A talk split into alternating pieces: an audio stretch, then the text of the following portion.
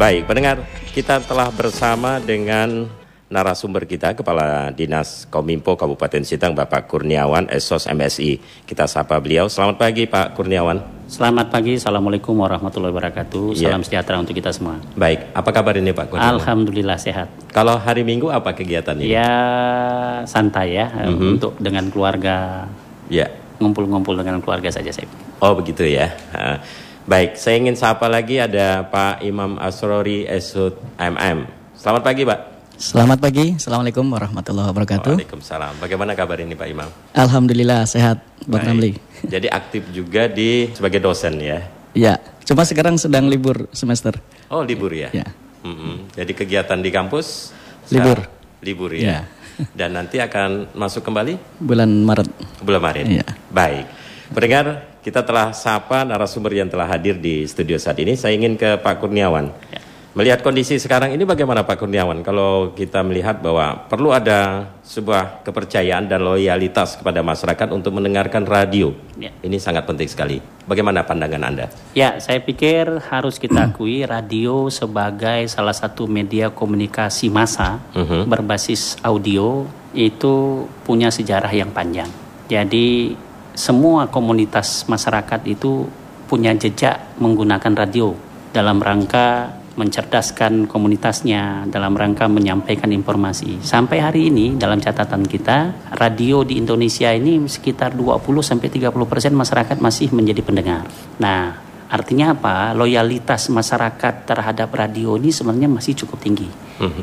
Meskipun di era digitalisasi telah terjadi pergeseran pola komunikasi sosial dari media-media konvensional ke media Ya. yang berbasis media sosial ini, radio mempunyai tantangan yang besar. Tantangan yang cukup Punya besar. tantangan yang cukup Baik. besar. Kalau tidak berbenah, kalau tidak melakukan terobosan-terobosan, saya yakin dia akan kalah oleh media sosial yang sekarang mohon maaf di Indonesia saja itu sudah 73 persen Mhm.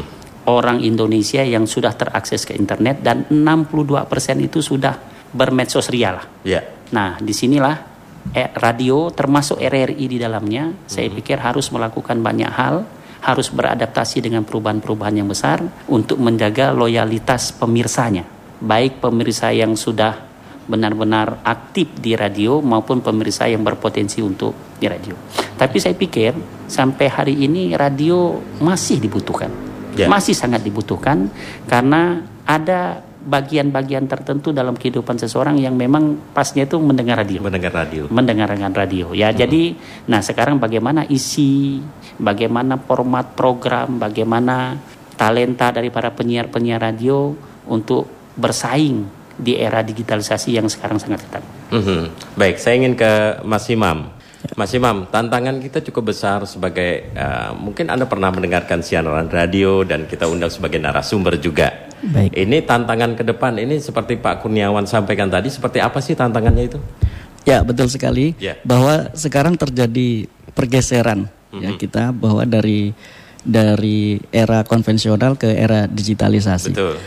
Maka eh, perubahan-perubahan yang dilakukan atau penyesuaian adaptasi yang harus dilakukan tadi bagaimana eh, siaran-siaran radio konvensional ini juga terkonek dengan sosial atau online, medsos atau online.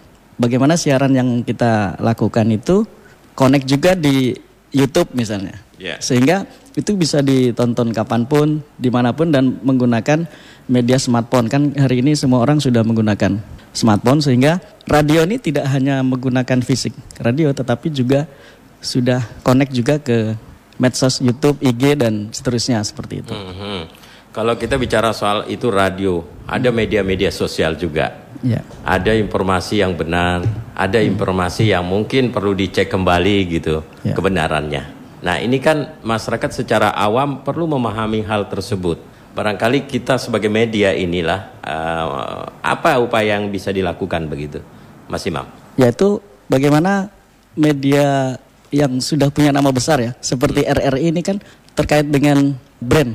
Ya, Iya. brand besar ini orang tentu lebih percaya kepada RRI. Sehingga kalau misalnya di sosial media ada berita-berita yang Baik. hoax misalnya ya, Mhm. hoax nggak benar maka harus di pertama langkah pertama lihat sumbernya sumber berita itu dari Sumbernya, mana ya. kadang-kadang kan sumber misalnya dari website tapi websitenya Mhm. Ujungnya ada blognya blogspot.com misalnya berarti itu bersifat pribadi Mhm. ya kalau web pribadi biasanya cenderungnya berpotensi untuk hoaxnya tinggi gitu Ya. tapi kalau med- eh, webnya web besar web terpercaya Mhm. misalnya web RRI juga Baik. itu orang akan lebih percaya. Jadi sumbernya yang harus dilihat dulu. Hmm. Nah radio sebetulnya memiliki tingkat kepercayaan masyarakat yang cukup tinggi. Mhm, mhm. Kalau Anda menilai terhadap RRI sendiri ini, Anda selaku pengamat, bagaimana loyalitas pendengar kita dengan eh, kondisi sekarang tadi disampaikan oleh Pak Kurniawan dengan ya harus merambah kepada teknologi dan sekarang RRI sudah lakukan hal tersebut.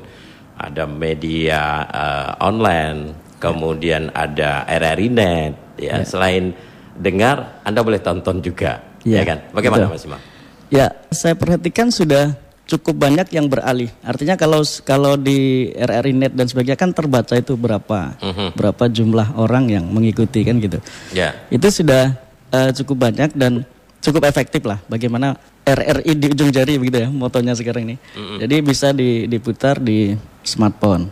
Ya. Jadi terkait dengan pergeseran ya memang memang berkurang sih.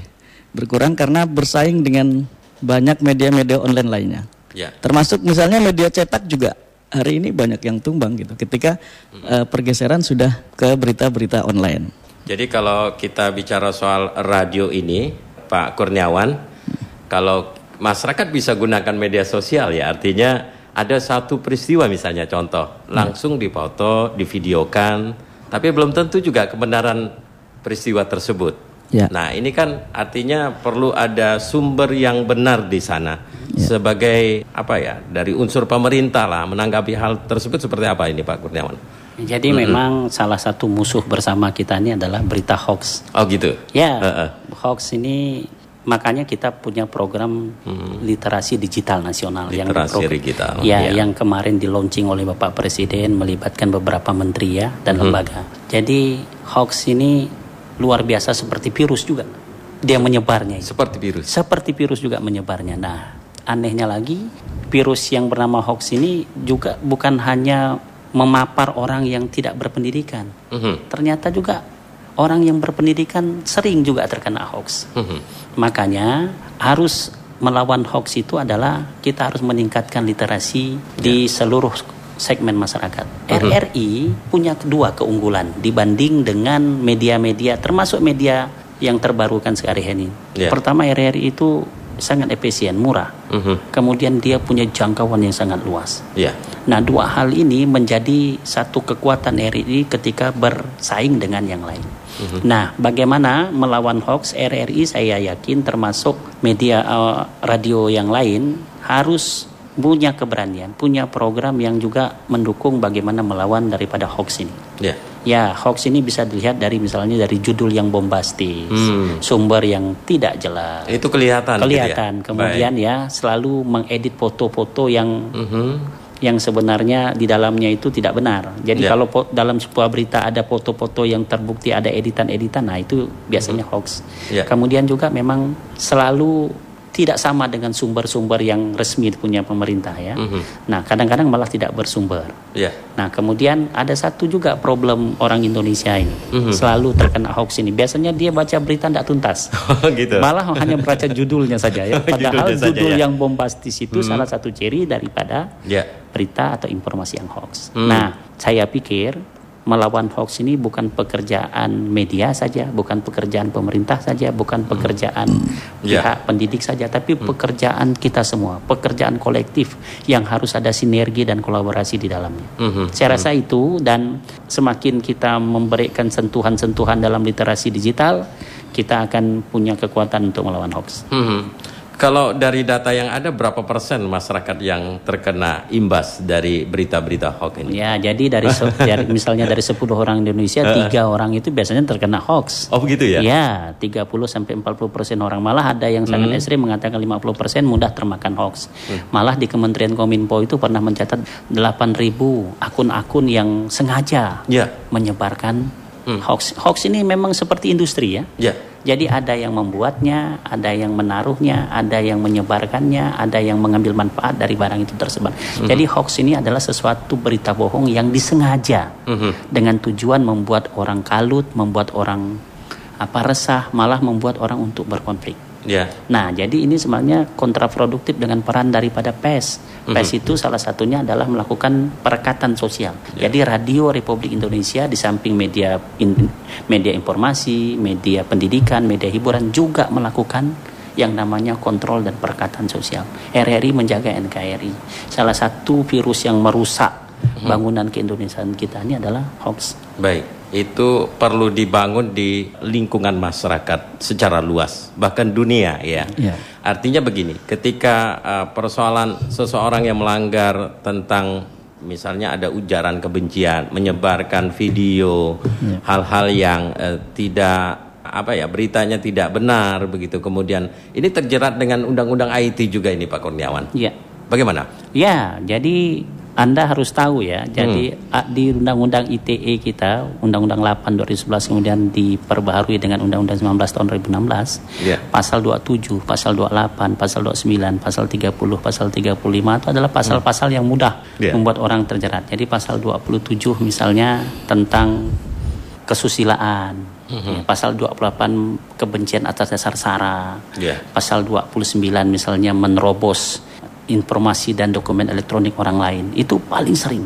Uh-huh. Nah, anak-anak pelajar kita nih mau mencaci maki di medsos itu uh-huh. sangat sering. Oh begitu. Oh sering. Malah. Tapi itu menjadi tanggung jawab orang tuanya karena ya, di bawah umur misalnya. Di bawah umur. Tapi hmm. biar macam mana pun dia sebagai pelaku, hmm. dia tetap ada peradilan anak kan. Baik. Nah jadi tidak bisa berdalih bahwa melakukan hmm. sesuatu di dunia maya ini, hmm. lalu karena saya masih anak kecil tidak bisa hmm. juga. Ada ah, jadi secara ada kasus, diversinya. Ada gitu kasus di hmm. NTT walaupun akhirnya an, seorang anak itu memprotes mem, ya membuat pernyataan-pernyataan yang kepada gurunya ya hmm. dan gurunya menganggap itu perbuatan pencemaran nama baik akhirnya itu masuk sampai dalam proses hukum walaupun pada akhirnya mereka berdamai. Yeah. Ini apa artinya bahwa segmen anak-anak pelajar dan anak mahasiswa kita ini rentan hmm. terkena pada aturan-aturan yang dilarang dalam undang-undang ITE yeah. pencemaran nama baik, kesusilaan, mm-hmm. kebencian atas dasar sara itu ya, yeah. itu yang paling paling banyak. Nah ini harus kita sosialisasikan dan kebetulan mm-hmm. Diskominfo beberapa kali sudah berkunjung ke SMA SMA Baik. di mm-hmm. Kota Sintang ini kita sampaikan nih ada mm-hmm. undang-undangnya, mm-hmm. ini yang boleh, ini yang tidak boleh dan ternyata dunia maya ini mohon maaf ruang yeah. publik itu ruang publik. Mm-hmm Ya ketika kita men-share, mengirim teks, mengirim gambar, mengirim foto ke ruang publik, itu hmm. ada implikasi publiknya dengan adanya undang-undang ITE itu. Baik. Nah, ini harus hati-hati Mas Imam. Saya ingin kembali ke yeah. Mas Imam lagi ini. Baik. Masyarakat harus hati-hati cek kebenarannya ketika ada menyampaikan informasi lebih baik cek dulu siapa ini sumbernya Sumber, dari ya, mana gitu. Betul. Bagaimana Mas Imam? Ya, betul sekali bahwa yang paling utama adalah sumber dulu. Hmm. Terus selain yang tadi disampaikan ya. bahwa hoax ini menyangkut dengan membuat kekacauan, hmm. kegaduhan di masyarakat, ada juga sebaliknya, Bang Ramli. Ya. Ada juga yang hoax ini justru me menyampaikan iming-iming berhadiah gitu ya. Hmm. Jadi ya. jadi orang banyak juga yang kena di situ gitu. Hmm. Jadi membuat aplikasi, ada juga SMS, ada juga dalam bentuk surat gitu ya, surat diedarkan di mana-mana seperti jatuh di depan rumah kemudian seperti ada hadiahnya besar dengan syarat ini itu. Baik. Kemudian ada juga yang via telepon hmm. itu juga lebih banyak juga yang kena ini gitu masyarakat. Hmm. Hmm. Eh, hoax hoax tentang bagaimana iming-iming berhadiah. Yeah. Orang lebih tergiur lah seperti hmm. itu. Masyarakat harus bijak menggunakan media sosial, harus bijak juga mendengarkan berita-berita yang resmi gitu ya. Ya, harus yang resmi. Hmm. Dan RRI ini hmm yang sangat resmi, sangat terpercaya dan usianya dari tahun kemerdekaan gitu ya sudah sangat besar jasanya pada masa-masa kemerdekaan. Baik. Jadi sampai hari ini masih masih eksis dan sekarang di era transisi ini memang keunggulannya tadi di konvensional masih jalan, mungkin sampai ke pelosok-pelosok masyarakat kita masih juga ada yang menggunakan radio daerah-daerah yang tidak ada sinyal HP misalnya kan. Iya. Nah, tetapi juga secara sosmed juga sudah ada. Jadi mm -hmm. double posisi sekarang mm -hmm. RRI. Masyarakat yang menggunakan atau mendengarkan radio baik media sosial juga ini kan secara umum ada anak-anak, ya. ada dewasa, orang tua Nah, anak-anak ini yang menjadi rentan ketika harus ada bimbingan dari orang tua atau pendamping atau mungkin dari pihak-pihak terkait dalam hal ini. Bagaimana menurut Anda? untuk anak-anak sebetulnya bisa juga di di setting ya misalnya Google ada ada Google for Child hmm. Google untuk anak-anak gitu jadi Baik. kalau kita menggunakan yang itu maka dia tidak bisa mengakses uh, Google yang yang untuk orang dewasa seperti hmm. itu hmm. cuma kadang-kadang anak-anak juga pandai juga gitu ada ada caranya dia pada saat registrasi misalnya yeah. usianya dituakan nah gitu gitu hmm. Hmm. itu memang agak berat sih yang lebih efektif memang pendampingan tadi. Pendampingan. pendampingan kemudian berikan batasan waktu kepada anak untuk memegang gadget ya. Yeah. Jadi dalam satu hari misalnya berapa jam setelah itu diambil walaupun juga mm. berat gitu ya. Yeah. Karena zaman sekarang memang seperti itu. Betul. Gitu. Anak-anak sudah menyesuaikan tapi perlu ada pendampingan ada dan pendampingan. pengawasan gitu ya. Ya, betul. Setiap orang pasti menggunakan handphone. Ya, setiap orang di usia berapapun hmm. saat ini udah. Di handphone juga bisa mendengarkan RRI. Ya. Di handphone bisa membaca, mendengar melalui media, media informasi yang tersebar sekarang gitu ya. ya Ini harus hati-hati. Hmm. Pak Kurniawan, adakah hal yang penting di momen Hari Radio Sedunia ini untuk mengingatkan masyarakat kita? Ya, yang pertama bahwa dulu mulutmu adalah harimaumu. Yeah. Sekarang jarimu adalah harimau. Mm-hmm. Maka orang cerdas itu adalah orang yang bijak menggunakan media di komunikasi masa seperti radio, yeah. termasuk juga di media sosial yang sekarang memang sedang tren. Mm-hmm. Nah, kita perlu punya kecerdasan dalam memanfaatkan media-media baik konvensional maupun media online ini.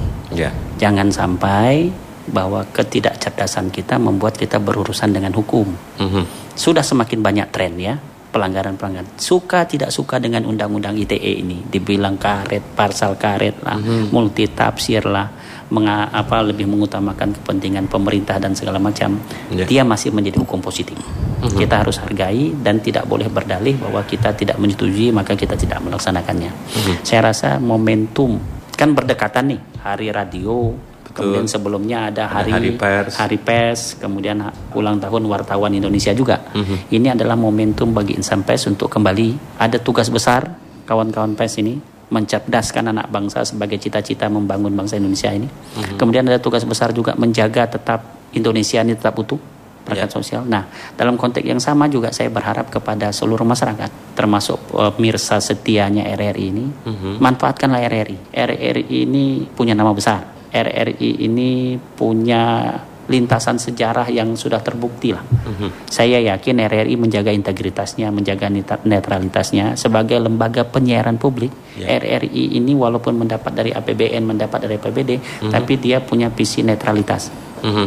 Dia punya visi mencerdaskan anak bangsa, dia punya visi menyampaikan informasi. Mm-hmm. Ada tugas pendidikan di RRI ini kan. Yeah. Nah, saya rasa kita dukung terus mudah-mudahan RRI termasuk radio yang lain tetap tumbuh tetap bersaing secara sehat memasuki era digitalisasi di mana-mana ini uh-huh. tapi saya yakin bahwa kalau kita bekerja bersama-sama common enemy apa pun coraknya bagaimanapun kekuatannya kalau kita sadar kita bergerak pelan-pelan uh-huh. kita melakukan rajutan-rajutan kolaborasi dan sinergi yang baik maka saya yakin saya optimis bahwa uh-huh. kita bisa melewati masa-masa krisis digitalisasi ini ya, di mana hmm. kemajuan teknologi luar biasa tapi faktor psikologis dan mental kita ini memang hmm. masih ada hal-hal yang perlu dibenahi. Hmm, hmm.